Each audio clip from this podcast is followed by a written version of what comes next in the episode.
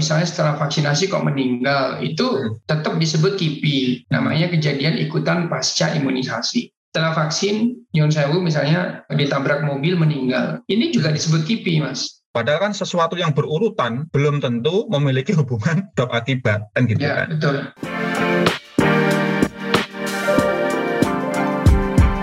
Hai sahabat TCID, kalian sedang mendengarkan podcast Suara Akademia, ngobrol seru isu terkini bareng akademisi.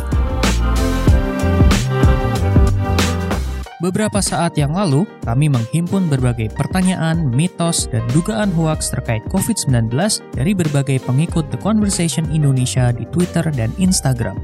Pada episode ini, kita membongkar berbagai mitos dan pertanyaan tersebut bersama dengan Gunadi, seorang dokter, peneliti, dan ketua kelompok kerja genetika di Universitas Gajah Mada. Diskusi ini dipandu oleh editor kesehatan TCID, Ahmad Nur Hasim. Selamat pagi, selamat sore, dan selamat siang para pendengar, pemirsa, dan penonton Suara Akademia dari The Conversation Indonesia. Kali ini kita akan mendiskusikan topik yang masih hangat tentang penyakit COVID-19 yang telah satu tahun setengah ini menginfeksi jutaan orang hampir 200 juta orang di seluruh dunia dan di Indonesia lebih dari 2 juta orang. Dan hari ini rata-rata dalam tiga minggu terakhir ini antara 40 sampai 50 ribu kasus per hari. Dan kita tahu juga kematian juga semakin meningkat sudah di atas ribu ya per hari. Rumah sakit kita walahan dan kelangkaan oksigen berulang lagi dalam beberapa hari terakhir ini. Yang menjadi pertanyaan kita kadang-kadang walaupun COVID ini nyata masih banyak masyarakat kita yang belum percaya dengan COVID dan dampaknya apa kalau tidak percaya? Dampaknya yang paling kemungkinan buruk adalah mereka tidak patuh pada protokol kesehatan. Pada pertemuan kali ini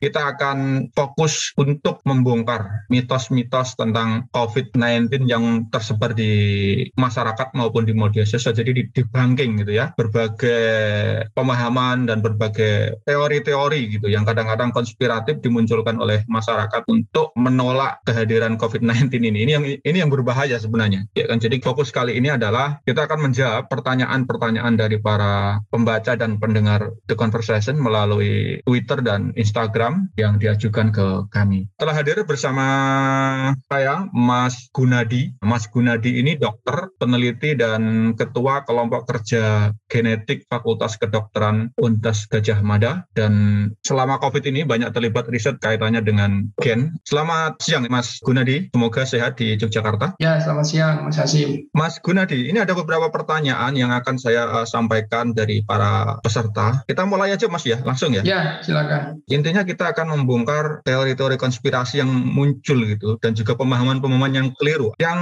pertama dari Ed Ridwan Alfani Mas. Pertanyaannya adalah apa benar COVID-19 ini berasal dari kebocoran laboratorium di Wuhan, China Mas, akhir tahun 2019? Jadi teori seperti itu kan sudah lama lama ya sebetulnya diduga sejak awal pandemi, tetapi kemudian kan WHO juga sudah melakukan investigasi langsung ke Wuhan, Cina ya, dan berdasarkan investigasinya memang tidak ada mengarah ke sana. Dan juga ada beberapa peneliti yang dulu kerja di sana kan juga menyampaikan bahwa tidak ada informasi kebocoran. Jadi sebetulnya itu informasi yang diulang-ulang ya dari awal pandemi, tetapi kemudian kan sebetulnya juga relevansinya juga kurang ya sekarang ya kalaupun katakanlah bocor dari mana, sekarang kan virus juga udah menjadi pandemi. Tapi kan sebetulnya bukan seperti itu. Jadi diulang-ulang teori konspirasinya itu, tetapi juga WHO sudah membuktikan menginvestigasi langsung turun ke lapangan kan tidak ada. Artinya ini informasi yang tidak akurat, tidak kredibel, mau dari mana pun asalnya sekarang virus sudah menyebar ke seluruh dunia gitu ya? Iya betul.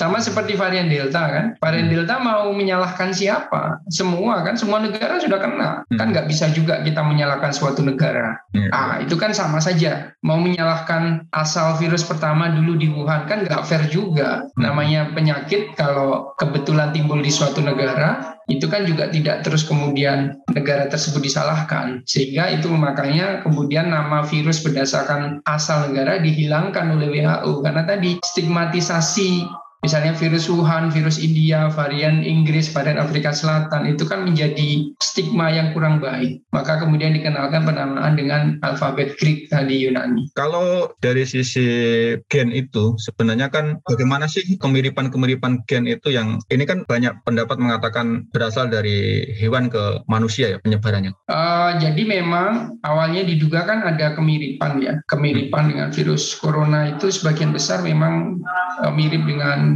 virus kalong ya, maksudnya virus yang ada di kelelawar ya tapi kemudian apakah betul-betul dari sana itu kan harus diteliti lebih lanjut ya. Tapi kemarin juga ada yang mengatakan berasal dari terenggiling kan awalnya terenggiling atau kelilawar yang kemudian menular kepada manusia sehingga disebut zoonosis kan gitu. Ya. tapi kemudian ini kan tentunya perlu penelitian lebih lanjut dan kebetulan saya juga kan juga bukan ahli virologi jadi harus ahli virologi yang bisa menyampaikan lebih lanjut lebih mirip mana. Tetapi menurut informasi yang saya dapatkan dari kolega saya saya yang virologi itu memang dia paling mirip dengan kelelawar. Jadi kalau demikian sebenarnya ya ini tidak benar kalau itu dari lab ya? Ya justru itu makanya. Ini kan dulu kan teorinya itu sebetulnya pendukungnya juga ada juga Mas Hasim. Jadi ada yang mendukung bahwa ini kebocoran dari lab, ada yang mendukung ini alamiah dari katakanlah kelelawar kan gitu.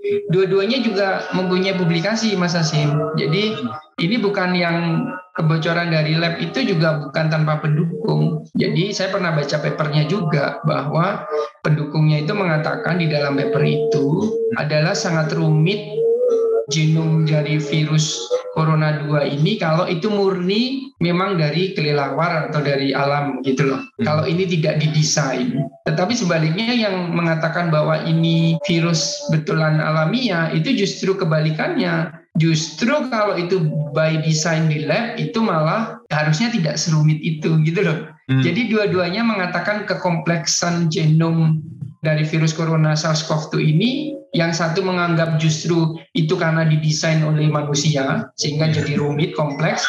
Yang ini justru mengatakan kalau ini didesain oleh manusia harusnya nggak sekompleks itu gitu tetapi sekali lagi itu sudah nggak relevan mas kita sudah hampir dua tahun kan pandemi iya. kalau kita masih mendebat itu kita nanti nggak habis-habisnya ini nggak karena ini kayak debat kusir aja menurut saya pribadi ya hmm. kebetulan saya juga bukan ahli virologi sebagian juga sependapat kalaupun kalaupun katakanlah ya, kalaupun misalnya pun itu bocor dari lab, terus apa yang akan dilakukan sama kita?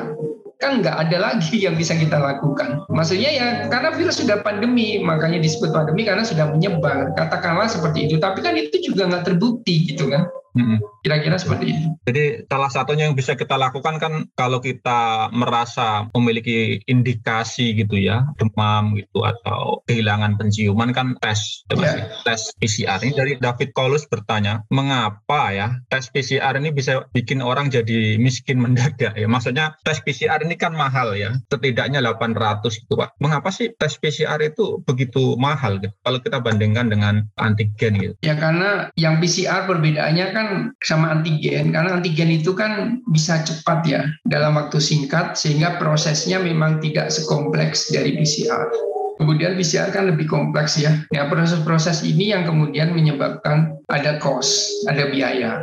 Sebetulnya proses PCR itu sendiri cepat Mas Asin, cuma karena demandnya sangat tinggi. Dulu kan PCR itu juga rutin dikerjakan oleh peneliti-peneliti ya. Bahkan penemu PCR itu kan sudah mendapatkan Nobel Prize kalau nggak salah tahun 1983 itu ditemukan PCR apa ya. Itu karena prosesnya itu kan prinsipnya amplifikasi asam nukleat ya, nukleotida. Bisa itu DNA, bisa itu RNA, nggak masalah. Dua-duanya bisa diamplifikasi. Kebetulan virus corona itu virus RNA, maka dia amplifikasi RNA-nya. Kenapa diamplifikasi? Supaya bisa dibaca. Prosesnya kan sederhana, dari ekstraksi dulu dapat DNA-nya, dapat RNA-nya, kemudian dikasih katakanlah primer ya. Primer itu uh, supaya bisa diamplifikasi. Jadi primernya ada dua, dua pasang biasanya. Di ujung sini, di ujung sini. Nah kemudian ini jalan barengan ini. Seperti itu. Nempel kan? Nah kemudian dengan suhu tertentu maka dia bisa nempel sama DNA-nya yang kita tuju, primernya itu, kemudian diamplifikasi sejumlah biasanya 40 siklus tadi. Sehingga rata-rata PCR kalau dikatakan lebih dari 40 nggak muncul karena sampai yang maksimal pun nggak muncul. Artinya memang nggak ada virusnya. Kalau kita sederhanakan Mas, kira-kira untuk tes PCR setelah sampel itu diambil, ada berapa proses sehingga memunculkan tadi biaya dan e, mungkin dari bahan, dari tenaga kan gitu kan? Iya hanya dua, ekstraksi dan PCR itu sendiri.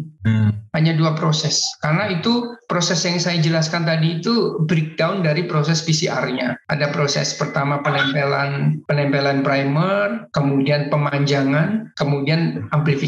Itu proses PCR. Jadi yang membuat mahal itu dari sisi harga atau biaya, ini pada bahan untuk pengetesannya, tenaganya atau apanya Mas? Kalau secara ini ya, secara teknis ya? Reagennya, reagen untuk PCR-nya yang mahal. Hmm. Reagennya dan untungnya kan sekarang juga produk-produk dari LIPI ya yang sudah bisa produk untuk reagen dari PCR itu sendiri sehingga kita mungkin tidak akan perlu impor lagi seperti itu. Berarti ini kayak semacam aneh ya cairan kimia yang untuk apa untuk hmm.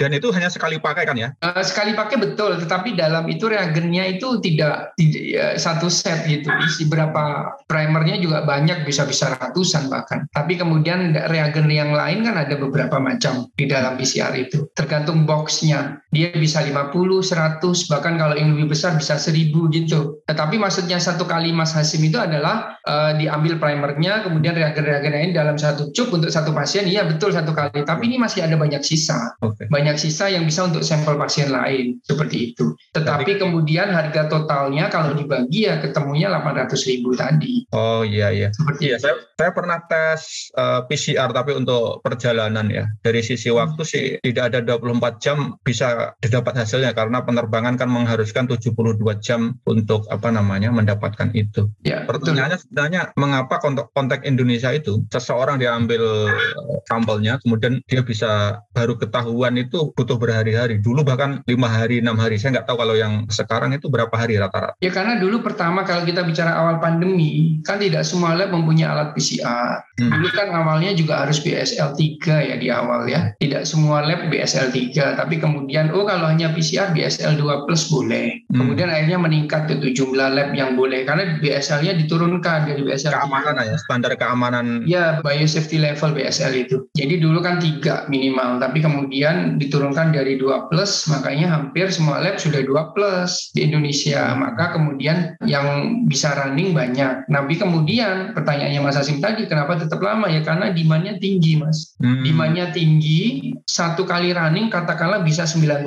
sampel satu kali running ya. Satu kali running mesin. Ya, 96 lah katakanlah paling banyak. Tapi 96 itu kan dua jam minimal. Hmm. Dua jam PCR-nya saja. Ini di luar bicara komplek anu ya, ekstraksi RNA ya. Hmm. Mungkin dengan total ekstraksi RNA tiga jam lah satu sampel. Kemudian PCR dua jam. Nah 96. Tapi kan kemudian 96 ini satu pasien dua ya mas rata-rata. Hmm. Dari hidung sama dari tenggorokan. Hmm. Nah akhirnya kan padahal jumlah untuk dilakukan screening atau tes itu kan banyak sekali. Bahkan salah satu lab itu satu hari itu bisa menerima sampel 5.000. Lembur sampai malam itu hanya bisa PCR 1.000 gitu loh mas. Hmm. Berarti kan 4.000-nya besoknya. Yeah. Padahal besoknya datang 5.000. Begitu terus kan? Mm-mm. Itu baru satu lab yang saya tahu. Bagaimana lab-lab yang lain? Kayak gitu. Makanya terus kemudian satu atau dua hari hasilnya. Itu make sense gitu. Oke, jadi jumlah yang dites itu begitu banyak sementara jumlah laboratorium ya tidak bertambah itu itu aja gitu kan dari sisi ini ya. Iya betul. Jumlah padahal sebetulnya jumlah labnya sudah luar biasa loh mas kalau kita bandingkan dengan awal pandemi jauh. Ya, ya. Sekarang PCR sekarang hampir semua rumah sakit sudah punya alat PCR dulu enggak.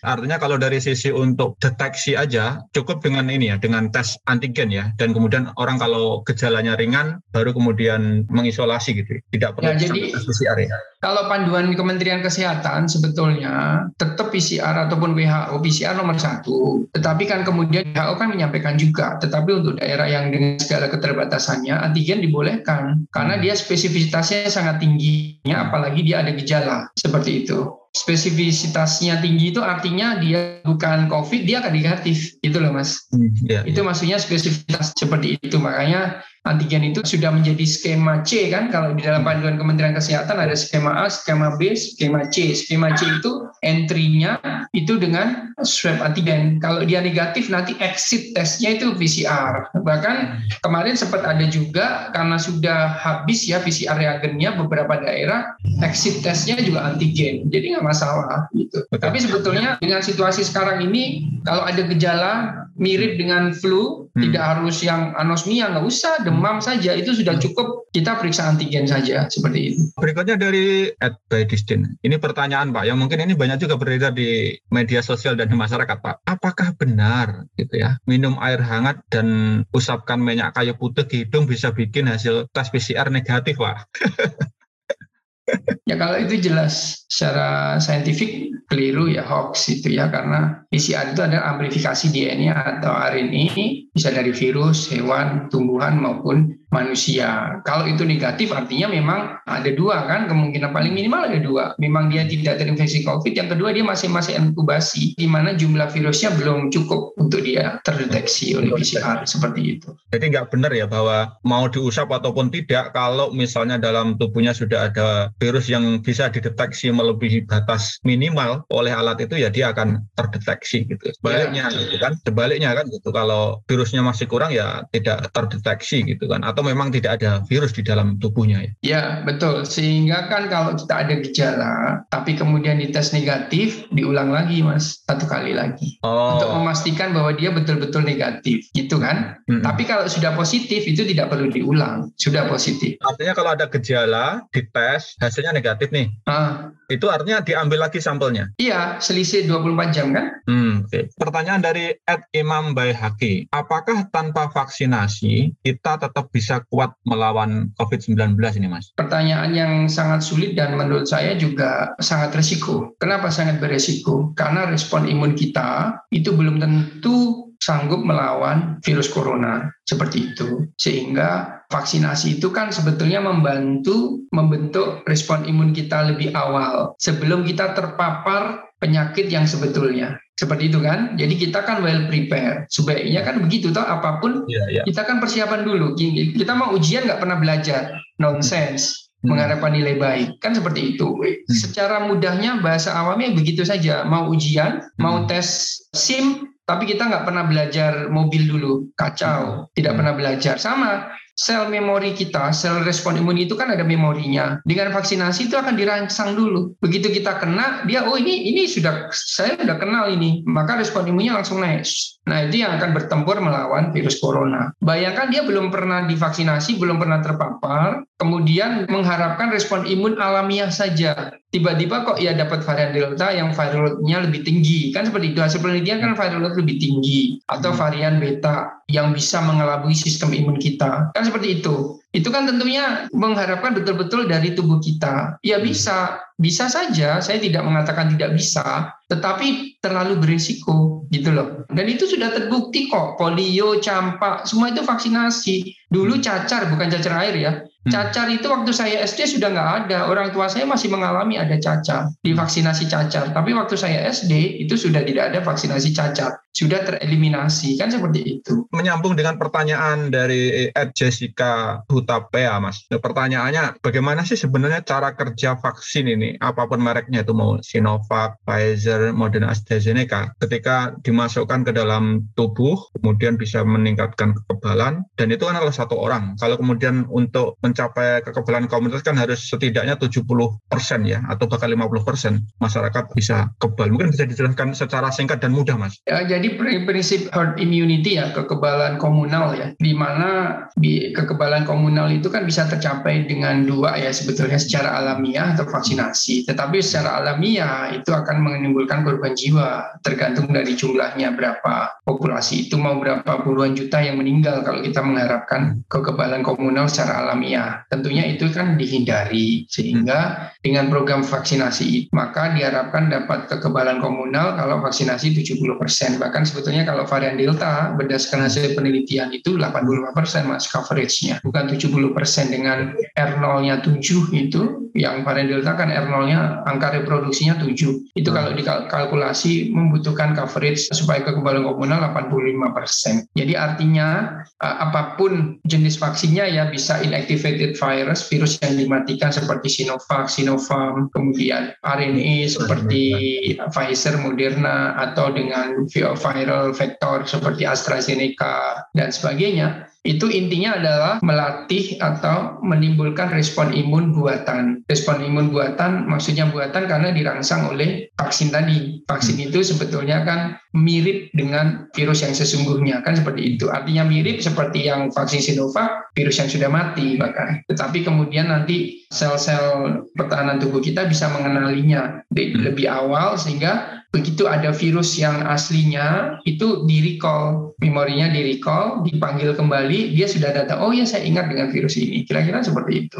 Nah kemudian bagaimana vaksinasi membentuk kebal komunal? Karena kan masing-masing orang sudah tervaksinasi sehingga virus nempel ke sini dia akan dimatikan kan sama virus? Hmm. dia nggak bisa pindah ke host manusia lainnya. Virus yang lainnya nempel ke satunya oh dia vaksinasi juga mati dimatikan oleh sistem imun. Akhirnya kan kekebalan komunal dengan sendirinya terbentuk jika coveragenya tadi 70% atau 80% untuk varian Delta. Karena dia mau bereplikasi sudah nggak bisa kan. Hmm. Virus itu adalah bukan makhluk hidup sebetulnya. Kenapa? Karena dia butuh host, butuh inang. Apa pun inangnya, bisa manusia, bisa hewan. Kalau tidak ada inangnya, dia mati kan. Tidak bisa bereplikasi. Kan seperti itu. Sehingga dia selalu butuh inang. Nah kebetulan SARS-CoV-2 inangnya, hostnya adalah manusia. Nah hmm. manusianya sudah kebal, yang sudah dirangsang oleh vaksinasi alam, vaksinasi tadi, dia nempel dimatikan. Nempel ke manusia satu dimatikan. Akhirnya dia nggak bergerak nggak bisa bergerak kan yeah, iya. otomatis kalau virus tidak bisa bergerak otomatis kan tidak bisa bereproduksi nah itulah yang disebut kekebalan komunal herd immunity seperti itu kira-kira bahasa sederhana jadi kita sangat menyarankan sekali gitu ya, baik yang di kota maupun desa gitu kan. Kadang-kadang kan berpikir kayaknya kok banyak kan di kota kasusnya sekarang di desa juga banyak. Karena itu silakan mendatangin puskesmas, rumah sakit dan tempat-tempat vaksinasi untuk minta vaksinasi segera gitu ya, agar ya. tadi itu kekebalan komunitas semakin cepat terbentuk dan kita bisa aman ya dari COVID-19. Ini kaitannya dengan kasus kematian Mas dari Ed Dani Iswara 1996. Mengapa ada tenaga kesehatan dan juga masyarakat biasa juga meninggal meskipun sudah divaksin dua kali vaksin itu dua kali suntikan untuk vaksin Sinovac. Uh, untuk kasus seperti itu tentunya kan pasti akan dilihat tidak serta merta karena divaksin dua kali kemudian dianggap vaksinnya gagal bukan bukan seperti itu. Jadi harus diteliti satu persatu apakah kemudian ada nggak komorbiditas. Komorbiditas itu penyakit penyerta lain yang itu memang sudah terbukti bahwa misalnya usia tua ada sakit hipertensi, kemudian ada sakit gula dan sebagainya itu menjadi lebih rentan untuk hmm. mengalami keparahan lebih lebih parah. Jadi kalau ada yang meninggal, kadang-kadang orang ini berpikirnya kan gini mas, ada seolah-olah hubungan sebab akibat kan kadang-kadang kan begitu kan. Setelah divaksin dia meninggal, padahal kan sesuatu yang berurutan belum tentu memiliki hubungan sebab akibat kan gitu ya, kan. Betul. Bisa jadi sebelum divaksin memang dia sudah memiliki penyakit misalnya diabetes atau penyakit-penyakit penyakit berat yang memang sudah ada yang mungkin dirasa, ada yang juga tidak diketahui juga kan Iya, betul. Sehingga dia meninggal sebenarnya bukan karena vaksin ya, tapi karena saat terkena penyakit ini dia sudah dalam kondisi yang parah yang mungkin tidak disadari, kemudian virus ini memperberat kasusnya gitu. Ya, betul, begitu betul ya. sekali.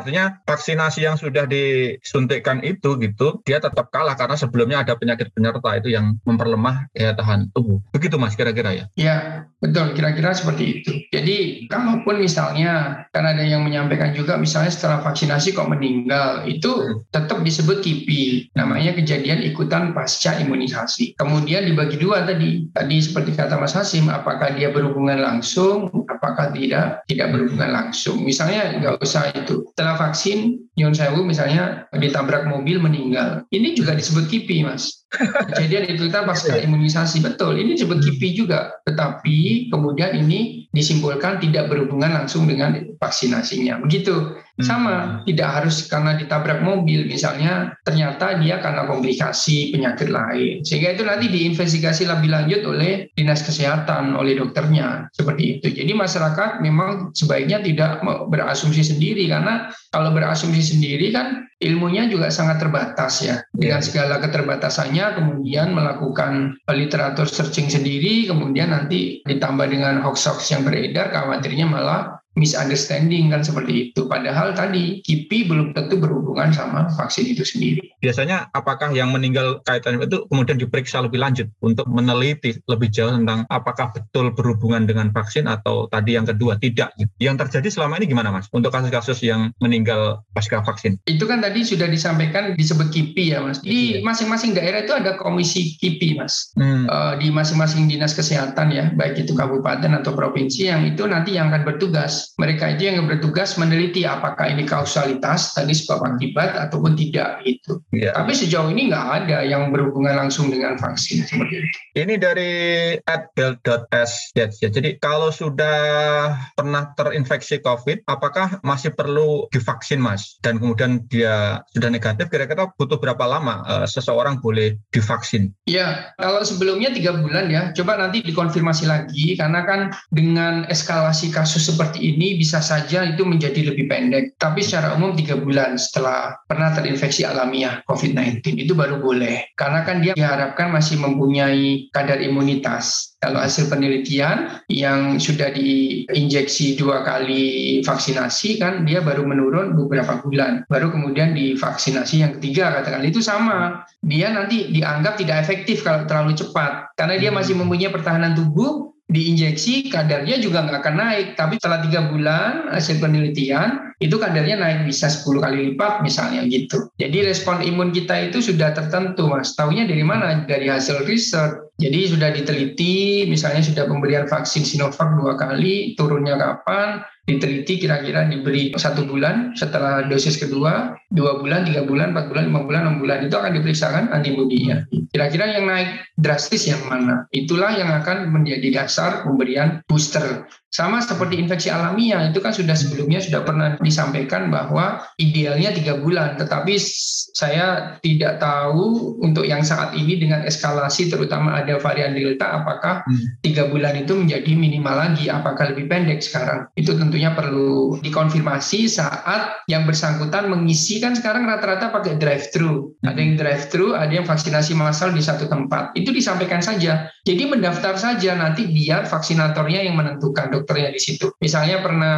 terinfeksi alamiah kapan PCR positif terakhir nanti disampaikan aja. Tetapi jangan pernah kita menyimpulkan sendiri seperti itu. Hmm. Karena bisa saja oh saya punya komorbid, tetapi ternyata komorbidnya terkontrol itu nggak apa-apa. Hipertensi yang terkontrol, gula yang terkontrol itu tidak masalah untuk diberikan vaksinasi. Sekali lagi kita tidak boleh menyimpulkan sendiri hmm. sehingga dianjurkan untuk datang atau mengisi screening dulu. Kalau dia dipanggil dipastikan lagi waktu dipanggil di vaksinatornya itu. Hmm. Maaf saya ada komorbid, misalnya kencing manis atau hipertensi, tetapi sampai saat ini kadarnya segini, saya selalu ke dokter minum obat ini, ini, ini, ini. Hmm. Nanti vaksinator yang di meja itu yang akan menentukan. Jadi bukan kita sendiri yang menentukan. Oke, berarti walaupun Anda sudah pernah terkena infeksi COVID ya, tetap harus divaksin. Kira-kira gitu Pak ya? Iya, cuma yang perlu didiskusikan adalah berapa lama setelah terinfeksi itu baru vaksinasi. Untuk tahu berapa lama, silakan Anda bertanya kepada petugas kesehatan yang memvaksin. Karena kan masing-masing orang memiliki ini ya, memiliki masalah yang berbeda-beda tergantung ya. apakah punya penyakit eh, penyerta yang terkendali atau tidak terkendali juga kan gitu. Ya, betul sekali Mas Asyik. Ini dari Zakimnaf. Baru-baru ini kan pemerintah itu akan vaksin tambahan ya, booster gitu ya, yang untuk para tenaga kesehatan yang berhadapan dengan para pasien dan orang-orang yang periksa gitu ya. Bagaimana dengan guru gitu ya, karyawan dan orang-orang pejabat pelayan masyarakat yang sering juga bertemu dengan masyarakat? Apakah akan juga ditambahin juga vaksinnya di booster? Ya, itu sama saja seperti pertanyaan dulu waktu awal-awal kan juga tenaga kesehatan ya. Tenaga kesehatan waktu pertama kali Sinovac datang di Indonesia, karena dianggap yang paling berisiko ya bertemu dengan di rumah sakit, bertemu dengan masyarakat, pasien dengan berbagai macam penyakit. Kemudian prioritas kedua kan lansia ya waktu itu, baru kemudian pejabat publik, pegawai publik. Ya saya rasa kebijakan pemerintah Kementerian Kesehatan tidak jauh dari sana. Tentunya ada skala prioritas hmm. dan saya yakin skala prioritasnya juga sama hmm. seperti itu tenaga kesehatan, kemudian lansia, Hmm. Kemudian baru pegawai publik ya yang berhubungan langsung dengan masyarakat. Polisi, tentara gitu, ya. Apa pegawai-pegawai yang berhubungan langsung dengan masyarakat ya di bandara. Ya, betul, ya sama kira-kira ya. Nah kemudian kan anak-anak, kalau hmm. misalnya nanti anak-anak juga sudah ada approval untuk booster, saya rasa juga anak-anak. Tapi kan sekarang permasalahannya, sekarang coveragenya untuk yang umum saja belum ya. ya, ya. Sehingga prioritas ini tetap jalan. Ini kan tetap jalan nih, yang dosis satu, dosis dua untuk masyarakat umum. Hmm. Tetapi kemudian perlindungannya yang dulu awal-awal diberikan untuk tenaga kesehatan kan hasil penelitiannya ada penurunan hmm. dua kali di luar negeri kan hasilnya. Ya tentunya ini di booster dulu. Ini jalan nanti kan tentunya ini akan ngikutin. Ini juga jalan yang umum jadi semua akan jalan bersama-sama. Seperti itu. Oke. Ini soal prioritas saja sebenarnya karena ya. yang tenaga kesehatan kan paling awal divaksin gitu kan dan masih kasusnya juga karena ada varian itu ya delta sehingga uh, diperlukan tambahan vaksin lagi dari agar mereka lebih tahan lagi untuk mengurusi ini. Yang sakit yang kita bisa bayangkan nih para tenaga kesehatan setiap hari tidak pernah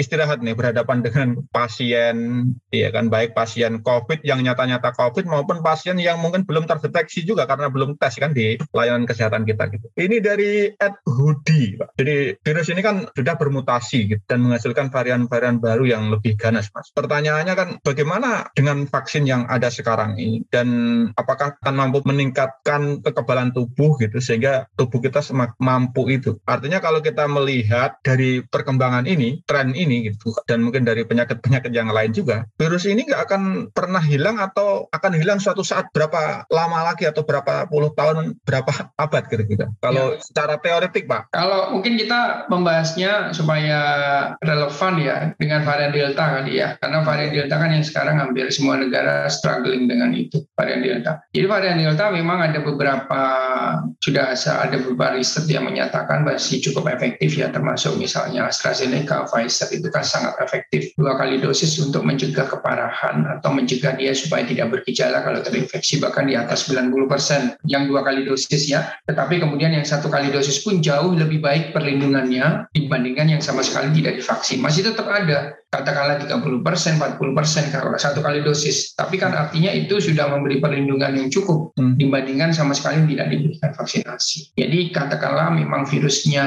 itu bermutasi, tetapi kemudian vaksin ternyata masih cukup efektif, bahkan sangat efektif dua kali dosis itu jadi tidak perlu khawatir. Terus yang kedua, apakah ini akan selamanya? Ini tergantung dari perilaku selain dari virus yang terus bermutasi sama perilaku kitanya juga. Kalau kekebalan komunalnya segera tercapai, tentunya ya tidak perlu selamanya. Kan seperti itu. Tapi kemudian yang salah satu teori yang dikatakan oleh beberapa ahli epidemiologi adalah mungkin endemis di daerah-daerah tertentu saja atau di negara-negara tertentu di mana mungkin vaksin coverage vaksinasinya belum bisa mencapai kekebalan komunal. Kira-kira seperti itu. Tapi kalau negara maju itu mungkin uh, bisa cepat di dalam daerah tersebut. Tetapi kemudian kan WHO juga sangat tidak menganjurkan untuk hanya negaranya sendiri yang mencapai vaksinasi yang sangat baik. Hmm. Karena ini menjadi ancaman bersama. Bayangkan kita hanya hidup di negara itu, apakah kita juga tidak akan berinteraksi dengan orang luar? Orang luar apakah tidak masuk ke dalam daerah yang sudah vaksinasinya 100%? Katakanlah 70 atau 85%. Saya rasa mungkin 100%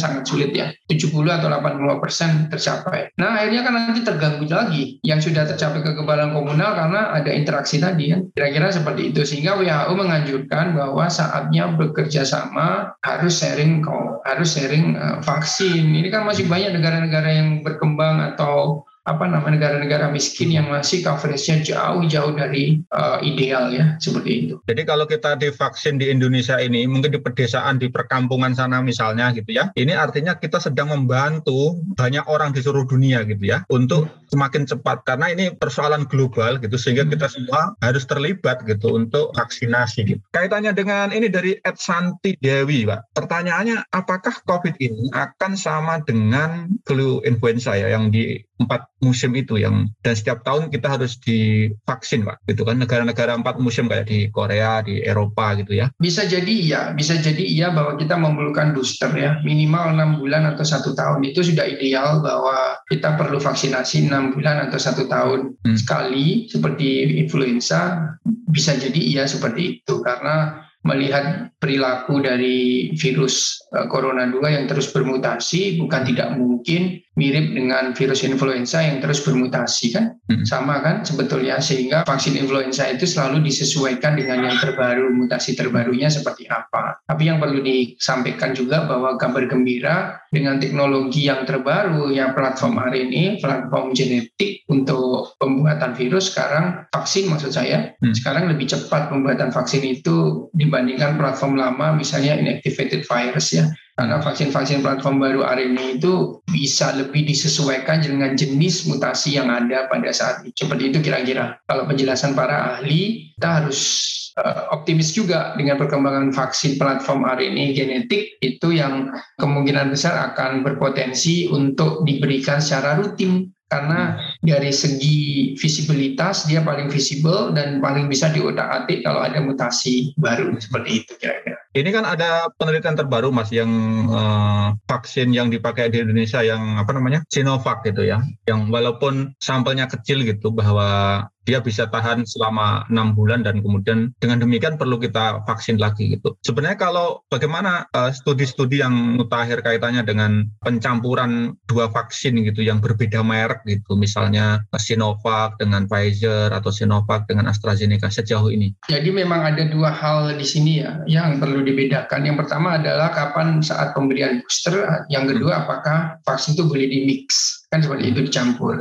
Sebetulnya Sinovac itu pabriknya mas, nama vaksinnya itu CoronaVac ya, tapi kita sudah terbiasa sih kita pakai istilah vaksin Sinovac. Sinovac sudah rilis ya kemarin di preprint ya, uh, dikatakan bahwa kadar antibodi netralisasi yang ditimbulkan setelah pemberian dua dosis Sinovac itu menurun setelah enam bulan. Nah kemudian dicoba pemberian booster yang ketiga, mereka juga ada beberapa satu bulan dan enam bulan berikutnya. Itu ternyata waktu dibandingkan kadar antibodi yang ditimbulkan pemberian booster pada satu bulan sesudah dosis kedua dan enam bulan sesudah dosis kedua, ini tiga kali lipat yang enam bulan. Artinya tentunya ini sangat menggembirakan Bayangkan kalau yang kita memerlukan disuntik vaksin satu bulan sekali, kita tidak bisa membayangkan ini booster atau apa. Iya, iya, iya. Itu kan, masa booster kok satu bulan? Sangat tidak ideal. Tentunya kita uh, sangat bersyukur dengan hasil penelitian ini bahwa pemberian booster dosis ketiga Sinovac 6 bulan kadarnya tiga kali lipat lebih tinggi daripada pemberian Sinovac booster ketiga satu bulan pasca dosis kedua. Itu suatu hal yang sangat menggembirakan. Tetapi dalam penelitian itu juga disebutkan ada kelemahan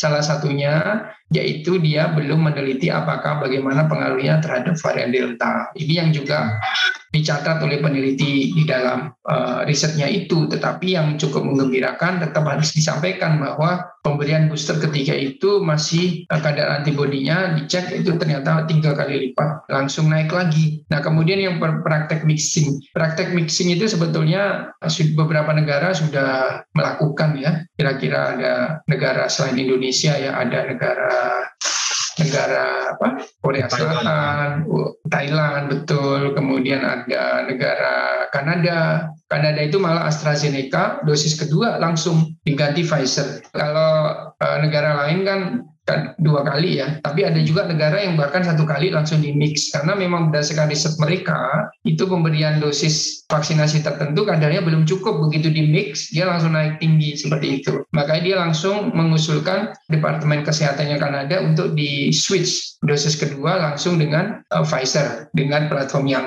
apa namanya platform yang berbeda dengan yang pertama pemberian AstraZeneca di Kanada seperti itu. Nah kemudian kalau Pfizer sendiri sebetulnya dia sudah mengusulkan ke FDA untuk pemberian booster 6 bulan pasca dosis kedua. Tapi kemudian WHO masih sama FDA belum menyetujui perlu penelitian lebih lanjut supaya untuk dipastikan keamanannya. Sehingga mereka kemudian uh, melakukan penelitian, melakukan penelitian dicampur Pfizer, Moderna, Moderna, Moderna, kemudian dan lain-lain sebagainya. Kemudian ada juga penelitian yang dilakukan NIH itu bulan Mei ya mereka juga melakukan uji klinis 17 Mei, klinis NIH ya, National Institute of Health. uh, punya Amerika itu melakukan uji klinis fase 1 2. Ini bahkan tadi kan Amerika itu baru kalau tidak salah tiga jenis vaksin yang di-approve digunakan di Amerika, Johnson Johnson, Moderna sama Pfizer. Itu di mix sama mereka. Kira-kira efeknya sampai kapan? Bagaimana? Ini baru hasilnya diketahui late summer ya, mungkin September, Oktober atau November itu baru keluar interim analisisnya. Dari situ bahkan mungkin kita tahu akan hasilnya seperti apa. Terus kemudian eh, negara-negara lain juga sudah banyak sebetulnya Italia, Korea Selatan, Thailand, Uni Emirat Arab, Vietnam, termasuk juga Indonesia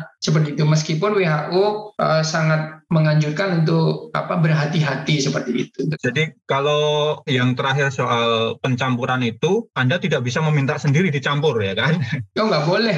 kan itu adalah kebijakan pemerintah atau dinas ya. Kementerian Kesehatan ya. gitu kan gitu. Jadi itu yang pertama yang disampaikan campuran tadi itu masih tahap uh, riset ya apa namanya klinik riset. Uji klinis. Uji ya. klinis gitu. Ya. Jadi di nanti di Indonesia seperti apa ya kita tunggu kebijakan pemerintah kan gitu kan karena itu domainnya uh, pemerintah dan juga mungkin termasuk BPOM ya karena yang apa uh, Kementerian Desa dan BPOM yang akan menguji sampai tahap seperti apa manfaatnya dari pencampuran itu. Ya kita percaya aja sama pemerintah dalam hal ini Kementerian Kesehatan dan BPOM ya pasti ya. mereka yang lebih tahu karena mereka sudah berisi ahli-ahlinya. Jadi kita nggak usah berdebat sama yang ahlinya, kita ikutin saja, ikutin ya. pemerintah BPOM dan Kementerian Kesehatan. Insya Allah akan baik-baik saja. Terima kasih Mas Gunaji. Jadi kalau anda diundang untuk vaksin, datanglah untuk vaksin. Yang kedua, kalau Anda diminta pakai protokol kesehatan, laksanakan para ahli, pemerintah, BPOM, para dokter, asosiasi dokter, peneliti sudah menyatakan bahwa itulah cara-cara kita yang bisa menyelamatkan kita gitu dari serangan virus COVID-19 yang semakin ganas akhir-akhir ini. Jadi, dan untuk mengakhiri pandemi juga. Ya, untuk mengakhiri. Jadi kita menyelamatkan kita, masyarakat kita dan negara kita dan dunia gitu ya supaya pandemi ini segera berakhir. Saya kira kita udah rindu ya dengan iya,